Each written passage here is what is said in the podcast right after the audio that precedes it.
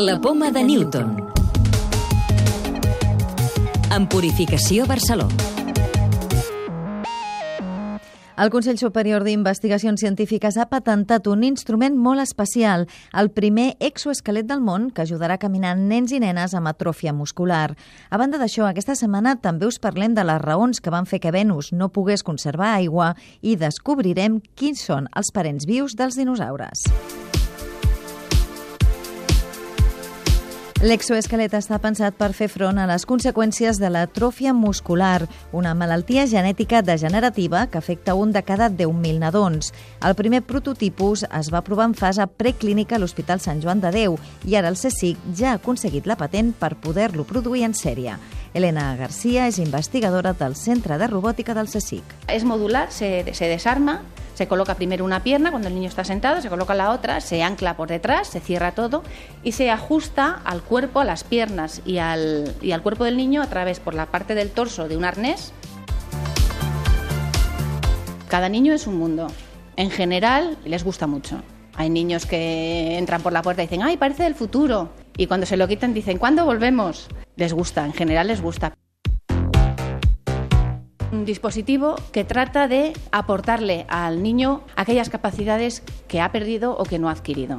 i, per tant, tratamos de aportar ese músculo que le falta al niño. El plantejament és que l'exoesquelet tingui un ús estrictament terapèutic i que es pugui utilitzar pagant un lloguer d'uns 800 euros. Comprar una estructura d'aquest tipus podria costar prop de 50.000 euros. Més coses. L'anàlisi de dades que va enviar la sonda Venus Express de l'Agència Espacial Europea demostra que el planeta té un camp elèctric important, 5 vegades superior al de la Terra. Aquest fet seria un dels factors que van impedir que pogués conservar l'aigua que tenia ara fa 4.000 milions d'anys. Marc Costa és enginyer d'operacions científiques de la Venus Express. S'ha descobert un camp elèctric cinc vegades més uh, intens del que s'esperava i la contribució que podria tenir aquest camp elèctric a explicar la falta d'aigua a Venus el que faria seria afavorir més encara la dissociació de les partícules d'oxigen que serien expulsades del planeta i que impedirien doncs, la formació d'aigua. Les gavines podrien ser transmissores dels gens que provoquen la resistència als antibiòtics. Això és el que diu un estudi de l'Institut de Salut Global de Barcelona, IS Global, han trobat bacteris E. coli resistents als antibiòtics en més del 50% de les mostres de gavines de la ciutat.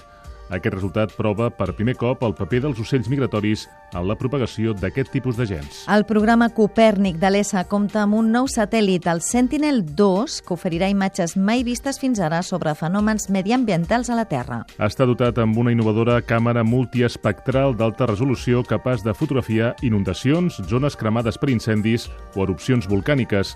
El programa Copèrnic d'observació de la Terra és el més ambiciós de la història. La clau de volta. Queda algun animal viu que sigui parent dels dinosaures? Àlex Pérez, de l'àrea de recerca i coneixement de l'obra social La Caixa. Les aus són dinosaures vius i són els únics descendents. Per tant, les aus comparteixen molt més caràcters amb els dinosaures que amb qualsevol altre grup, sobretot pel que es fa referència al seu esquelet. A més a més, encara que no el sembli, les plomes són en realitat escates de rèptil, però modificades.